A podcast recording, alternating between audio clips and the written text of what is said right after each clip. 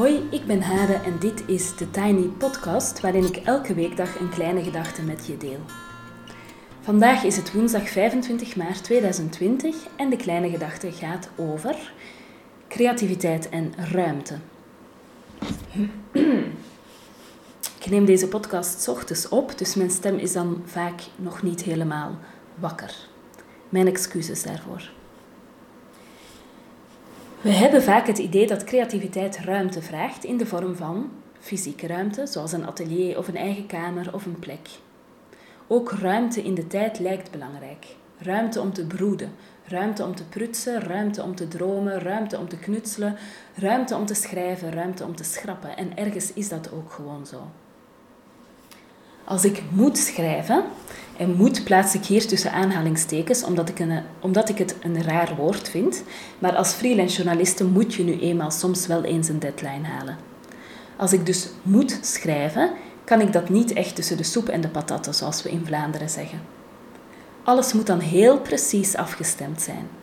Ik wil dan alleen zijn, met mijn geluidswerende koptelefoon op, in mijn tiny office in de Haarlemse Vijfhoek, met een kop koffie, een chocolaatje wil ook al eens helpen, graag ook met mijn kacheltje aan en liefst ook in de ochtend. Zes uur bijvoorbeeld, voor dag en dauw, wanneer ik nog fris en monter ben.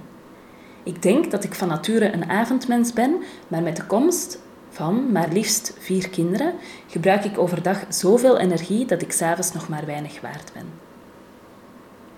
Daar zit ik dan, zes uur.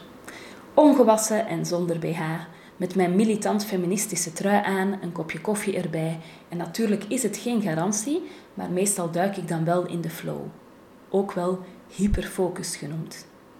Voor mij voelt dat alsof ik van de wereld weg ben, helemaal opgezogen door mijn creatieve proces. Ik vergeet de koffie, eventuele honger, dorst en de wereld en ik schrijf. Een bijna georchestreerde flow een van de betere gevoelens die er bestaan.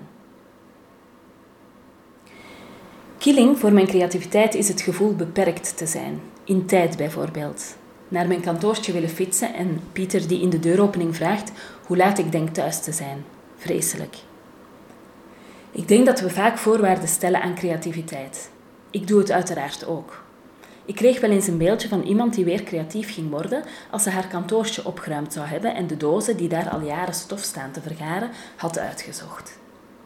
Van anderen hoor ik dat het weer kan als de kinderen groter zijn, als er een baan opgezegd kan worden, als de verbouwing klaar is en de lente in het land. Intussen zitten we in volle coronacrisis en die crisis brengt een hoop beperkingen met zich mee. De horeca is dicht. We blijven best zoveel mogelijk thuis en vermijden contact met anderen. En, en net nu zie ik allerlei creatieve dingen gebeuren. Restaurants die hun kok verhuren om bij je thuis te komen koken. De man van de koffiebar die met de fiets bijzonder lekkere koffie rondbrengt. Een hotel dat geen boekingen meer heeft en dan maar kamers aanbiedt voor thuiswerkers die het niet redden te werken met de kinderen. Een koffiezaakje hier vlakbij, waar je koffie kan afhalen als je tenminste anderhalve meter afstand houdt van de barista en wacht tot de vorige klant buiten is voor je naar binnen stapt. Ik voelde me eerst nogal platgeslagen door het gebeuren. En toen ging ik denken wat dan wel kon. Ik kocht een opnameapparaat en ging deze podcast maken. Even onafhankelijk van of er iemand luistert of niet, is het toch best leuk om te doen. Ik moet eerlijk zeggen dat ik een soort crisis had nadat ik het idee voor deze podcast lanceerde. Ik wist plots zeker dat ik het niet zou kunnen en niet kon volhouden en dat het echt, echt heel stom zou worden.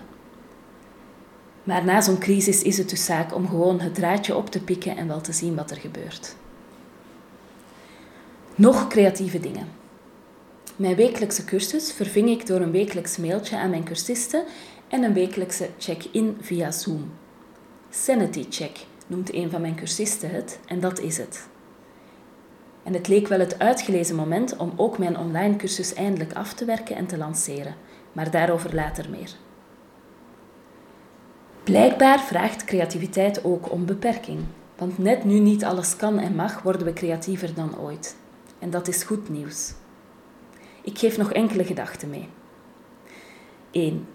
Ik denk dat we een onderscheid kunnen maken tussen het creëren van optimale omstandigheden voor creativiteit, zoals ik net beschreef in het stukje over het schrijven in een flow en het stellen van voorwaarden, zoals als die dozen die er al tien jaar staan niet uitgepakt zijn, kan ik niet beginnen met schilderen.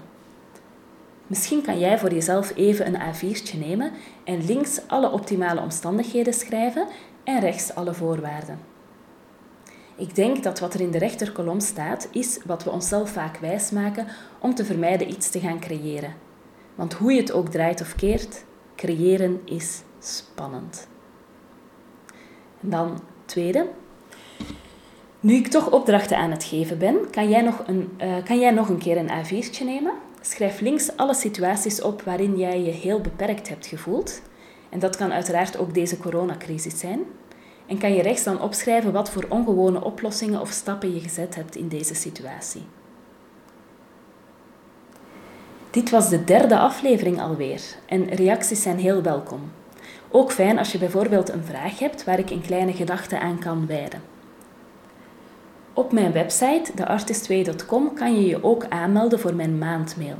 Dan krijg je maandelijks een mailtje met een thema, vaak ook een winactie, tipjes voor tripjes, tips voor lees- of luistervoer enzovoort. Na elk maandmailtje laten mensen me weten dat ze zich geïnspireerd of geprikkeld voelen, dus misschien is het ook voor jou fijn om elke maand een mailtje van mij te krijgen. En wil jij een gastgedachte inspreken voor deze podcast? Neem dan vooral contact op. Daarmee zijn we aan het einde gekomen van de Tiny Podcast voor vandaag. En wil je meer weten? Kijk dan even op wat ik net zei, thetinyoffice.com of op theartistwayonline.com. Daar vind je ook mijn contactgegevens. Want uiteraard zijn jullie vragen en ideeën welkom. En ik ben ook heel erg benieuwd dus naar jullie reacties. Het is leuk als je me gaat volgen op Instagram. Kan je mij onder andere vinden via The Tiny Podcast. Maar ik heb ook twee andere accounts voor elk van mijn uh, bedrijven. En je helpt me als je een review achterlaat of deze podcast deelt met iemand anders. Fijne dag!